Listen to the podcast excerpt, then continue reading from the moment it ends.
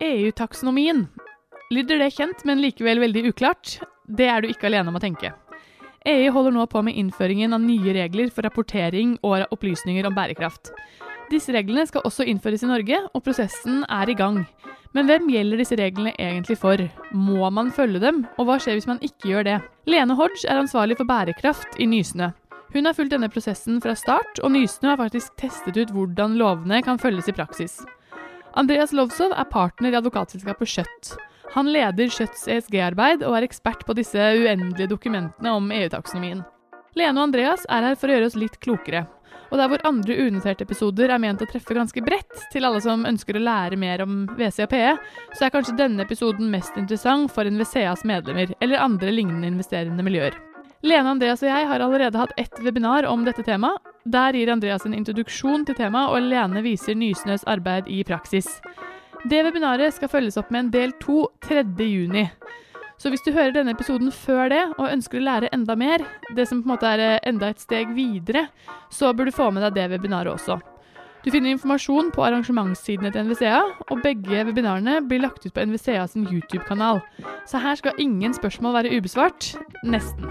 Velkommen til Unotert.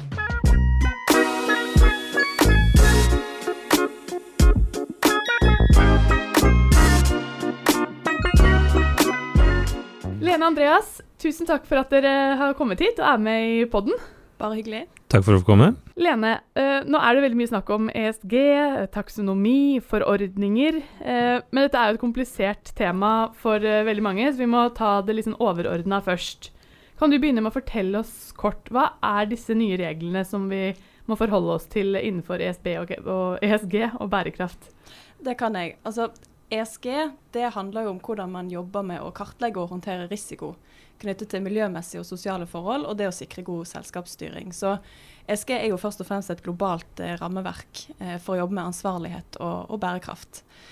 Og så er jo ikke ESG én enkelt eh, framgangsmåte eller standard. Det, det være, og det gjør at det kan være krevende for både enkeltpersoner, men òg profesjonelle aktører å sammenligne informasjon om selskaper og investeringer, og dermed gjøre eh, vurderinger. Så her kommer jo da EU-taksonomien seilende inn, som egentlig er en del av eh, redningen, særlig på E i ESG. Og gir oss konkrete krav på hvorfor noen økonomiske aktiviteter er mer miljøvennlige eller klimavennlige enn andre. Mm. Så for å si det veldig enkelt, så er de nye reglene om, om eh, taksonomien en avansert måte å jobbe med særlig E-en i ESG på.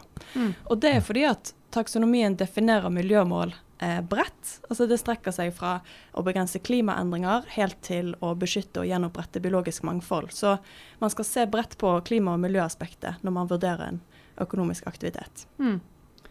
Eh, hva betyr forordninger? Er det det samme som lover? Andreas, det kan kanskje du svare på? EU opererer med to hovedrettsakter. Det er direktiver og forordninger. Og forordninger kan du sammenligne med en lov som skal gjelde likt i alle EU-medlemsland. Så både taksonomien og denne offentliggjøringsforordningen som vi kommer tilbake til, er såkalte forordninger.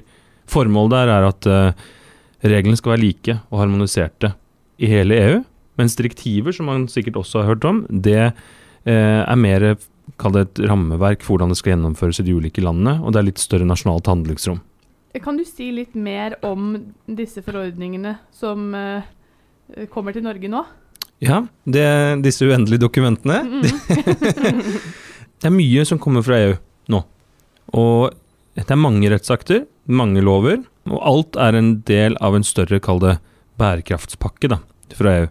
De to viktigste, og som vi kanskje skal fokusere på her i dag, for NVCA sine medlemmer, og som på en måte har kommet lengst også nå, er taksonomien, som Lene snakket om, og denne offentliggjøringsforordningen, eller Sustainable Finance Disclosure Regulation, SFDR, okay. for å gjøre det veldig lett. Og det er to helt separate lover, da, for å si det enkelt. De gjelder uavhengig av hverandre, men de henger også sammen. Ja. Men det er to forskjellige regelsett formelt sett. Begge to er sendt på høring for gjennomføring i Norge, fordi de er ansett for å være såkalt EØS-relevante. Men det tror jeg ikke vi skal si om det temaet. Men, men det, de, de, kommer til Norge, og det er ikke så stort rom for nasjonal variasjon. Så vi kan legge til grunn at de blir tilnærmet likt som det som blir i EU på dette. Ja. Kan du si litt mer om hver av de to? Mhm. Forskjellene på de to? Absolutt. Og litt om hvordan de spiller sammen. Ja. Det er, det er litt sånn teknisk område, Ja. så jeg skal forsøke å gjøre det lettfattelig. Men taksonomien er, som Lene sier, det er en klassifiseringssystem, et regnskapsspråk omtrent, som definerer hvilke økonomiske aktiviteter er det som skal anses for å være miljømessig bærekraftig. er vel det beste Mm. norske ordet vi har, selv om jeg syns ikke det er kjempebra. Nei. det heller. Men um, Så det den gjør, er egentlig to ting. Den sier hvilke aktiviteter er det som skal anses for å være, kall det grønne, og den pålegger diverse selskaper og aktører konkrete opplysningsforpliktelser i den forbindelse. Det, og det kan jeg komme litt tilbake til. Mm. Men det er kanskje det viktigste å huske på der. Og så har du den andre offentliggjøringsforordningen. Det, den pålegger såkalte financial market participants, eller finansmarkedsaktører, og finansrådgivere, det er for to forskjellige kategorier, konkrete opplysningsforpliktelser knyttet til bærekraft. Enten på firman, eller både på firmanivå og på kall det produktnivå. Når vi snakker om opplysningsforpliktelser etter, den, etter det regelsettet, så er det utgangspunktet noe annet enn miljømessig bærekraftige aktiviteter etter taksonomien. Mm. Og det er her det begynner å bli litt vanskelig, og litt teknisk eh, komplisert. fordi det man må huske på, det er at hvis du er en kapitalforvalter, da, for å si det enkelt og litt relevant her, så blir du underlagt opplysningsforpliktelser etter SFTR hva gjelder din bærekraftsaktivitet, integrasjonen av bærekraftsrisiko osv., osv. Kan vi komme litt tilbake til. Og så kan det potensielt sett også bli underlagt, underlagt taksonomien. I den grad du har et miljø, enten formål eller fremmer miljøet på en eller annen måte, gjennom fondsforvaltningen. Eh, men taksonomien favner sånn sett Det er delvis overlapp, men det er i utgangspunktet også to litt forskjellige områder de dekker. Noe som vi ikke skal gå dypt inn på her, men som er viktig å huske, er, er det at det har vært debatt Mye av debatten i i det siste har egentlig gått på hva tror man virkningen vil være Ja. av dette regelverket. Mm. Eh, Det er egentlig det man ofte sitter og diskuterer. Ja. Det er sånn, Hva vil egentlig virkningen være at du ikke kvalifiserer taksonomien, eller at du Mm. klassifiserer fondet ditt som lysegrønt og ikke mørkegrønt? Det er en stor debatt, politisk debatt, og egentlig litt sånn spekulasjoner. Mm. Men man klarer ikke lese det ut av taksonomien alene, eller offentliggjøringsforordningen alene. Da må man se på hele regelsettet som kommer fra EU, for de ønsker å insentivere, dytte kapitalen Mm. mot de grønne investeringene. Så da er det viktig å på en måte se sammenhengen i alt sammen. Mm. Vi kan gå litt mer inn på det etterpå, Mm. og- på en måte motivasjonen for Mm. å se nærmere på dette eller å, å følge det. Mm. Men du var litt inne på det, men jeg har bare lyst til å, å, å be deg utdype litt mer hvem disse eh, lovene gjelder for. Mm. Hvilke typer finansaktører må forholde seg til dette her? Mm. Kanskje vi da skal starte med mm, SFDR, for det er på en måte den enkleste. og, og den gjelder jo da for på norsk det vi kan kalle finansmarkedsdeltakere og finansrådgivere. Det er en ganske vid gruppe Mm. aktører. Hvis vi skal forenkle det veldig, så vil jeg si det omfatter regulerte foretak, eller de under tilsyn, som enten forvalter kapital eller rådgir. Og Det er da verdipapirforetak, banker, forsikringsselskaper. For dette formål også forvaltere av alternative investeringsfond, enten du har konsesjon eller er såkalt registrert AF-forvalter. Mm. Og så er det grader av opplysningsforpliktelser som gjelder der. Noe må du publisere på hjemmesiden din, i mar markedsføringsmateriell osv., og, så og noe må inn i fondsdokumentasjonen. Mm. Og så varierer det avhengig av hvilken hvor grønne fond, for å si det veldig enkelt, du, du forvalter. da. Mm. Eh, så det er offentliggjøringsforordningen. Taksonomien gjelder tre kategorier. Den gjelder én de finansmarkedsdeltakerne som har produkter som blir underlagt taksonomien. Det er litt den koblingen vi snakket om, som er litt, litt teknisk. Mm. Så har du alle foretak som må gi rapportere på ikke, såkalt ikke-finansielle forhold etter regnskapsdirektivet. Og her er det viktig å huske på én ting. I Norge så er det foreløpig store foretak, og den definisjonen er annerledes enn i EU. Mm. Så i Norge så er den i dag hvert, altså blant annet alle noterte foretak og allmennaksjeselskaper, uavhengig av størrelse. I EU så pågår det en revisjon av regnskapsdirektivet, og også definisjonen og nedslagsfeltet av hvem dette skal gjelde for. Det er mulig at det ikke vil være alle noterte foretak, f.eks. Og da er det ikke helt utenkelig at det vil komme en liten runde i Norge også på om kanskje ikke dette skal virke så vidt når de ser opplysningsforpliktelsen man blir underlagt. Mm. Så, men det er de som er direkte underlagte.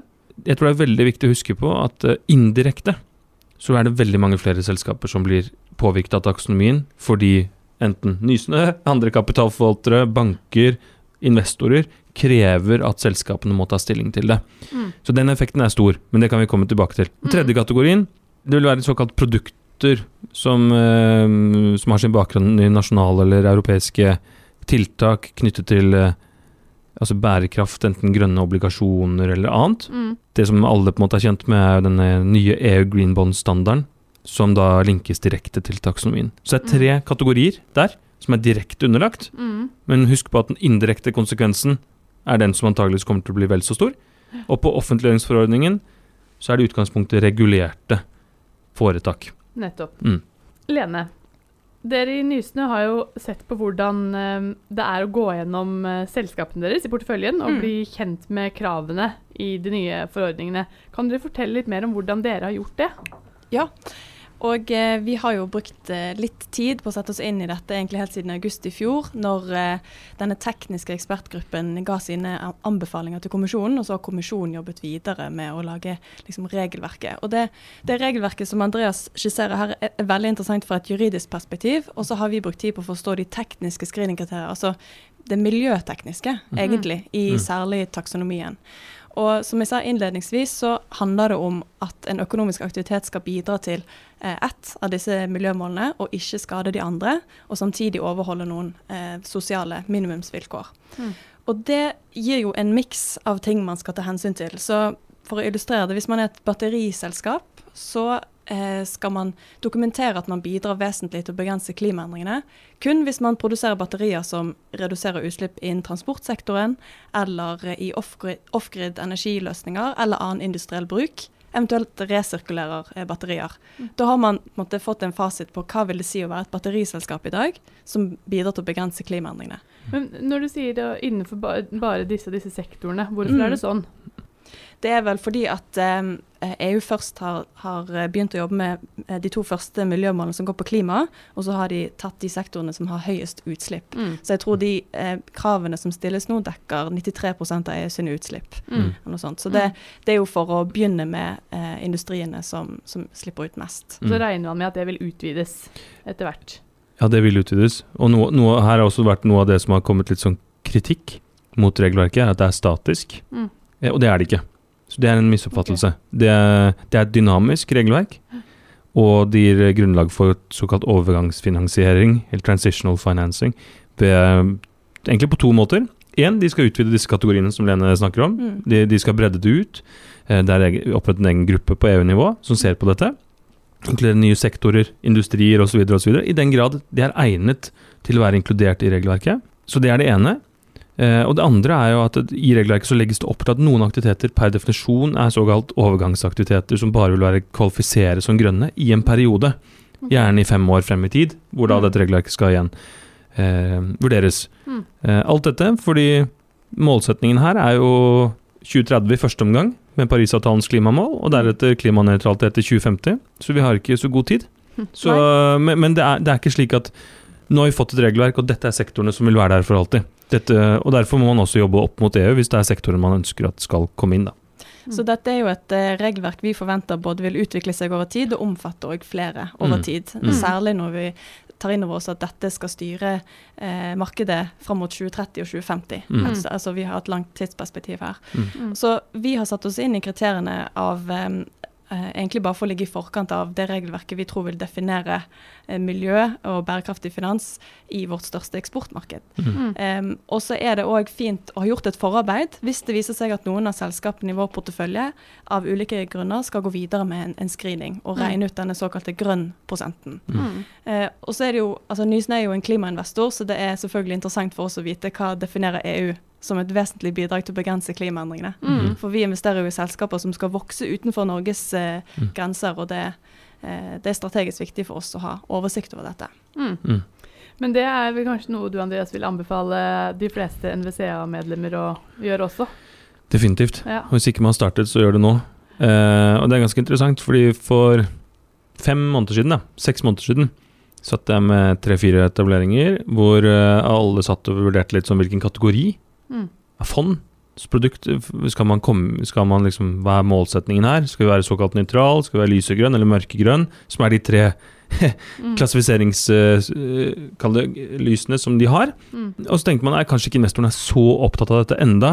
Og så er det klart at hvis du er en lysegrønn eller mørkegrønt fond, og du har fremmer miljø, så må du også screene porteføljen etter taksonomien, som er en ekstrakostnad. Mm. Eh, pluss at Norge har noen særlige utfordringer med visse industrier, som fisk og sånt, som ikke har klassifiseringssystemer, så det er ikke alle som ville gå dit.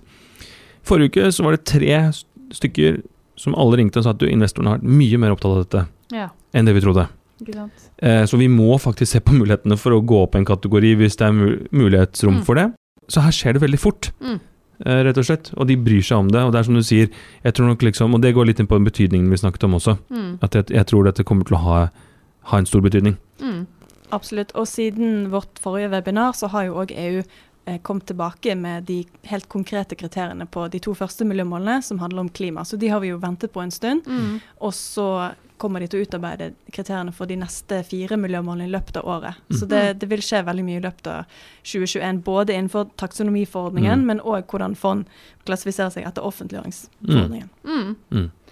Eh, Men Lene, litt tilbake til det arbeidet dere har gjort. Um, når dere har screenet selskapene, da, hva slags verktøy har dere brukt da? Har dere liksom satt opp dette i, i Excel og Word, eller har dere kjøpt inn noen dyre programmer for å få gjort- det? Hva har dere gjort? Vi har eh, fokusert på å bygge opp kompetanse internt, så vi har eh, satt opp et Excel-verktøy, eller en oversikt over alle kriterier som kan være relevante for eh, selskapene i vår portefølje. Mm. Og tatt utgangspunkt i at alle bidrar vesentlig til å begrense klimaendringer. Hvis vi hadde vært en investor som så på sirkulær økonomi f.eks., og det, det var det våre investeringer skulle fremme, så hadde ikke vi hatt så mye å jobbe med, fordi kravene er ikke klare ennå. Mm. Eh, så da har vi sett på både dette med vesentlig bidrag, men òg hvordan skal du unngå vesentlig skade på de andre miljømålene. Mm. Så for solcelleselskaper så eh, holder det at du produserer eh, energi eller strøm fra solceller, men det stilles òg tilleggskrav Mm. til resirkulerbarhet Mm. og eh, konsekvensutredning av miljø, f.eks. Mm. Og det er veldig interessant å ramme det inn og se ja, hvordan kan dette brukes i det arbeidet vi uansett gjør, Mm. når vi vurderer et selskap sitt, eh, sin klimaeffekt, og hvordan vi følger opp selskapet med, med ESG. Mm. Etter dere begynte å gjøre dette arbeidet, ser dere noen endringer i hvordan dere vurderer selskapene, og hva dere ser etter i selskapene eh, nå, kontra for eh, to år siden? Eller ett år siden?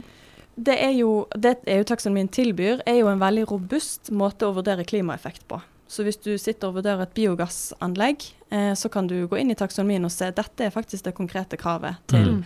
Til eh, å begrense klimaendringene. Og hvis f.eks. selskapet ikke er dit ennå, så er jo det en nydelig anledning til å sette det som en, et, en egen målsetning Mm. mellom investor og selskapet, og så avtale at det følges opp i, i eierskapsperioden. Dette gjøres jo uansett Mm. eh, når man setter ESG-kopier eller såkalt impact-kopier. Og jeg tror taksonomien kan proaktivt brukes der. Mm. Og Nysnø er et sånn sett et fint eksempel på en investor som måtte gjøre dette selv fordi de har interne kompetansen på det, men også det å Når du investerer i unoterte selskaper, Mm. som jeg nevnte, de er jo ikke direkte underlagt uh, taksonomien. Mm. Og vil det, så det er ikke slik at uh, Nysnø automatisk får denne type opplysninger selv. Og det er jo en utfordring for mange PE- og WC-aktører, Ja. hvor de sier at ok, hvor skal du få den informasjonen fra? Det blir jo i stor grad selskapet selv da, som må gi Ja. den til dem, ikke sant? Um, så kan det at det kommer løsninger og sånt på det etter hvert. Men de- den tidligere vurderingen man gjorde på ESG, på bare liksom offentlig tilgjengelig informasjon, eller å kjøpe inn en tredjepartstjeneste på SG, den, den holder ikke lenger nå. Mm. Eh, så, det, så det er interessant å se liksom arbeidet deres med dette. Ja, og taksonomien i seg sjøl gir veldig mye drahjelp, fordi den refererer jo til andre EU-regelverk. Mm. Den refererer til eh, ISO-standarder, den Mm. refererer til LCA-analyser. Mm. Så du får veldig mye driv i ja, hvordan skal vi innhente denne informasjonen Mm. som, som ikke er tilgjengelig fritt, som du må ha en Mm. dialog med selskapet om, Mm. og så hvordan få det verifisert. Og vi har ikke tatt det steget ennå, fordi som du er inne på, våre selskaper er ikke nødvendigvis pliktet til det, men Mm. det kan jo tenkes at de en dag blir det, enten fordi de vokser seg så stor, Mm. eller fordi regelverket blir så omfattende. Mm. Men hvis vi ser på de selskapene som ikke må rapportere, da. Mm. Kan man velge å bare ikke eh, markedsføre seg som et eh, bærekraftig foretak? Er det et alternativ? Eller hvis man er pliktig per dags dato, Mm. men eh, jeg syns det er veldig vanskelig Mm. å følge dette, og, og det krever masse tid å hente inn informasjonen fra selskapene. Mm. Kan man bare velge å ikke markedsføre seg som et bærekraftig foretak? Og slippe unna? Altså, det spørsmålet har egentlig to sider. Det, det ene er på en måte Hvis vi tenker på foretakene som er underlagt taksonomien, og da på egentlig selskaper og utstedere, eh, så er de som er direkte underlagt dette, de får en plikt til å årlig gi visse opplysninger knyttet til taksonomien. Og Disse er de tre grønnprosentene som Lene nevnte, eller kopiene. Hvor stor andel av omsetningen din kvalifiserer som grønn etter taksonomien, og samme med investeringer og utgifter, altså Capex og Opex. Mm. Det kommer du ikke utenom. Det er en absolutt legal forpliktelse. Og så er det jo nå ventet med den pågående revisjonen av regnskapsdirektivet at eh, dette knyttes også enda tettere inn der. Så, du kommer inn, så det blir en revisjonsplikt også, antageligvis på et tidspunkt.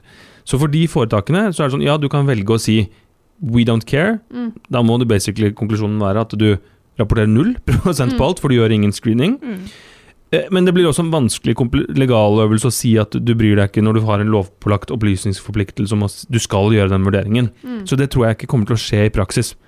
Eh, For de, de andre selskapene som i dag ikke er underlagte, og her er det viktig å huske på i dag, fordi det jeg ser fra EU nå, er at virkeområdet blir videre.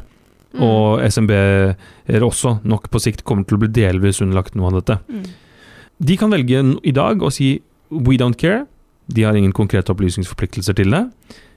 Spørsmålet er hvor lett er det for deg å hente kapital? Så I den grad du bare er familieeid og du ikke har noen kommunikasjon rundt bærekraft whatsoever, Mm. ja, da trenger du egentlig ikke gjøre så mye.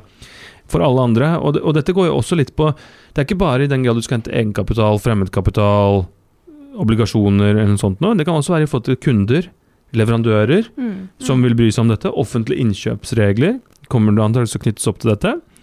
Eh, og ikke minst hvordan du generelt kommuniserer om din bærekrafts eh, aktivitet i forhold til ansatte og omverdenen. For dette henger også nå sammen med sant, markedsføringsloven, alle andre reguleringer, og det å gi villedende opplysninger til markedet eller andre. Nå får du en definisjon på hva er det som faktisk kvalifiserer som bærekraftige aktiviteter. Mm. Og, så, og det, nå er vi inne på et vanskelig område. Kan, kan du si at noe annet er grønt enn det som kvalifiserer etter taksonomien? Men det tror jeg er tema for en annen eh, Ja. sesjon. Vi kan jo ta det om et år eller noe Ja, sånt også, ja. og se hva, hvem som har prøvd seg. Men eh, hvis man egentlig må forholde seg til dette, da, og eh, man ikke gjør det, hvordan følges det opp da? Hvordan straffes man? Alle de foretakene som er underlagt disse forordningene, er underlagt tilsyn av Finanstilsynet. Så de har eh, sine sanksjonsmuligheter Mm. i regelverket i dag, etter finanstilsynsloven, eller tilsynsloven, og etter disse sektorregelverket, f.eks. AF-loven Mm. for kapitalforvalterne. Eh, typiske sanksjonene er jo pålegg om retting eller tilbakekall av eh, konsesjon eller tillatelse, men også kan være sanksjons som som i form av bøter eller eh, gebyr. Da. Signalene fra tilsynet er at de ser for seg at de har de samme verktøyboksen som de har i dag, Mm. for dette er et foretak som er under tilsyn. Og regelverket fra EU legger egentlig bare opp til at man skal ha hensiktsmessig sanksjonsmulighet for å sørge for at aktørene overholder dette. Mm. Så, så du har på en måte den offentligrettslige sanksjonsmuligheten, men så har du også de, alle de andre implikasjonene i form av at du gir villedende opplysninger, ikke sant? som kan ha erstatningsrettslige aspekter og med videre. Mm. Mm. Lene, jeg glemte å spørre deg i stad, sånn cirka, hvor mye tid har dere brukt på det arbeidet dere har lagt ned i denne screeningen? Vi har jo vært så heldige og hatt eh, en intern fra BI som har kunnet hjelpe oss med det eh, en dag i uken. Eh, og så har jeg satt, brukt litt tid på å sette meg inn i det, men det har, eh, det har ikke tatt veldig mye tid. Det må man ta utgangspunkt i, er at EU er, altså det er både demokratiske prosesser og eh, liksom tekniske prosesser som møtes i dette. Så man må nesten forvente at ting vil endre seg underveis. Mm. Det, er, det er ikke sånn at man får to streker under svaret med en gang. Men Mm. hvis man setter seg inn i byggeklossene rundt regelverket, så forstår man i hvert fall i hvilken retning dette skal Mm. eh, gå. Og så ser man særlig på Green Deal, og at Mm. EU òg har eh, lovfestet et mål om å være eh, klimanøytralt i 2050. Så man begynner jo å skjønne tegningen. Mm. Og så Mm. kan man dykke ned i detaljene hvis man ønsker det. da. Mm. Mm. Det er egentlig et veldig godt tips til alle som lytter, hvis Mm. man har intern-programmer Mm. ute, eller vurderer å ha det, Mm. Ja. og få hjelp til det eh, av de som tar den rollen, Mm. og så overføringen internt Mm. som et sånn siste Mm. Absolutt. eh, del av internshipet. Godt tips. Eh, hvis vi går litt sånn på tidslinja fremover, hvordan ser innføringen av disse lovene ut fra et eh, norsk perspektiv, Lene? Ja, Finanstilsynet de sendte jo ut eh, en, et forslag i, eh, før jul om en ny lov om opplysning om bærekraft, der de tar inn både taksonomiforordningen og offentliggjøringsforordningen. Og Det var høring på den i januar. Så i og med at taksonomiforordningen gjelder fra 1.1.2022, så bør vi jo kunne forvente at dette eh, blir klart eh, fra norsk side, og hvordan det tas inn i norsk rett. I hvert fall i løpet av 2021, Mm. Mm. tenker Mm. jeg. Har du noe å legge til der, Andreas? Jeg er enig i det. Og, og, og så er det jo offentliggjøringsforordningen trådte i kraft 10. mars i år Ja. i EU. For de forvaltere som, har, som markedsfører fondet sitt utenfor Norge Mm. i EU, har jo allerede måttet hensynta dette. Mm. I tillegg så er det jo sånn at eh, mange ønsker å hensynta det selv om du bare er en norsk setup, fordi investorene i større grad begynner å spørre om det, også rene norske investorer. Mm. Og foretak som er underlagt taksonomien har egentlig bare i år på å forberede seg, og eventuelt gjøre justeringer. og Vi ser eksempler på det på noterte, som gjør spin-off eh, og rene, kall det grønne selskaper Mm. osv. Har dere noen oppfordringer eller tips eller råd sånn helt til slutt til de som fortsatt syns dette her er eh, vanskelig, komplisert materie og lurer på hvor de skal eh, begynne hen? Lene? Ja. altså det, eh, mye av jobben er gjort bare du har funnet fram til riktig EU-dokument. Mm. Eh, og hvis du vil gå veldig praktisk til verks, så er det å lete opp eh, de tekniske screeningkriteriene for f.eks. klimaendringer. Hvis du har et selskap i din portefølje som produserer et eller annet, eller selv, til og med hvis de jobber med IT-løsninger, så kan du finne krav der på Mm. hvordan du skal begynne å dokumentere at det har et vesentlig bidrag til å redusere klimaproblemet. Og da kan man jo eh, kartlegge det, så det er et tips. Å bare skaffe seg oversikt. Og så ut ifra det kan man eh, begynne en, med en dialog med selskapet og se hva er det vi trenger av informasjon. Hva Mm. vet vi allerede, eh, og hva må vi finne mer ut av. Mm. Mm. Bra. Andreas? Jeg er veldig enig. Det er mange tusen sider fra EU, EU som er Mm. kommet her. Ikke alt trenger alle å lese. Og, og til tekniske screeningkriteriene er jo faktisk en veldig sånn De er ment nettopp å være det. Noe som foretakene kan gå inn og se på selv. Finne sin aktivitet. Gjøre den sjekken. Og så øh, må man huske på de sosiale kriteriene, som også, vilkårene som også er der. Mm. Um, for kapitalforvaltere så er det også viktig å, hvis ikke man har begynt, begynne å tenke på dette nå. Mm. Uh, dette må inn tidlig i prosessen ved eventuell fondsetablering. Inn i fondsdokumentasjonen. Mm. Tenke på det når du markedsfører, hvordan du snakker om det. Mm. Det er vel ingen PL eller venturefond som etableres nå som ikke sier noe om bærekraft Mm. eller ESG. I hvert Mm. fall har ikke jeg sett det i siste. Så, og da er det viktig å huske på at nå har man nå må man tenke på hvordan man snakker om det, Mm. og hvilke lovnader man gir Mm. om det. Så dette er, dette er veldig viktig, og jeg tror nok Jeg vet at en del Det virker ganske tilforlatelig, de opplysningskravene som er der, men eh, man ser at det kommer spørsmål. Uh, Mm. F.eks. er det krav til porteføljesammensetning, hvor grønn må man være, Mm. hva er egentlig sammenhengen, kan vi unngå å gjøre investeringer i taksonomi investeringer som kvalifiserer til taksonomien, og Mm. fortsatt være bærekraftig? Ikke sant? Masse sånne spørsmål Mm. som nå eh, dukker opp. Mm. Mm. Og, og de skal vi også svare ut når vi går enda Mm. mer inn i materien eh, på del to av eh, webinaret. Tiden vår eh, for denne podkasten er eh, allerede ute, så jeg skal bare kort prøve å oppsummere litt eh, det dere har sagt. Forordninger er en bindende rettsakt, altså lover der formålet er at reglene skal være like og gjelde likt for alle landene i EU. Det viktigste å merke seg der vi er i dag, er taksonomien og offentliggjøringsloven. To forordninger som skal bli til én ny norsk lov. Den ene forordningen er EU-taksonomien, et klassifiseringssystem om hvilke økonomiske aktiviteter som skal være bærekraftig. Den andre er offentliggjøringsforordningen, som pålegger konkrete opplysningsforpliktelser på firmanivå og produktnivå. Så hvem gjelder dette for? Jo, taksonomien gjelder for 1. Store foretak og alle noterte foretak. 2. Finansmarkedsaktører som forvalter grønne produkter. Og 3. Visse grønne produkter for øvrig, f.eks. obligasjoner som utstedes i henhold til EU Green Bond Standard. SFDR gjelder for eh, finansmarkedsdeltakere og finansrådgivere, forenklet sett regulerte foretak eh, som forvalter kapital eller rådgir. Og de som er pålagt, må årlig rapportere på kravene, det kommer man ikke utenom. De som i dag ikke er underlagt, de kan velge å droppe å rapportere, men spørsmålet er hvor lett det da er å hente kapital etter hvert, fordi dette blir så utbredt, og det ligger forventninger i så mange ledd til å følge opp av dette. Tipset fra Lene og Andreas det er hvis du er et selskap, finn de riktige screeningkriteriene i EU-dokumentene. Er du kapitalforvalter, finn ut hvilken fondskategori du er. Hvor grønn vil du egentlig være? Og dette må inn i fondsdokumentasjon, inn i markedsføring. Nå må man tenke på hvordan man snakker om dette utad. Målsetningen med alt sammen er at det skal reallokeres store summer privat og offentlig kapital, sånn at vi må, når målene i Parisavtalen innen 2030 og klimanøytralitet innen 2050. EU har kommet med kravene til de to første miljømålene om klima. De neste fire er forventet å komme i løpet av året. Så dette er noe Lene, Andreas og jeg anbefaler alle Investea-medlemmer å sette seg inn i. 3.6 følger vi opp med et nytt webinar. Lykke til så lenge.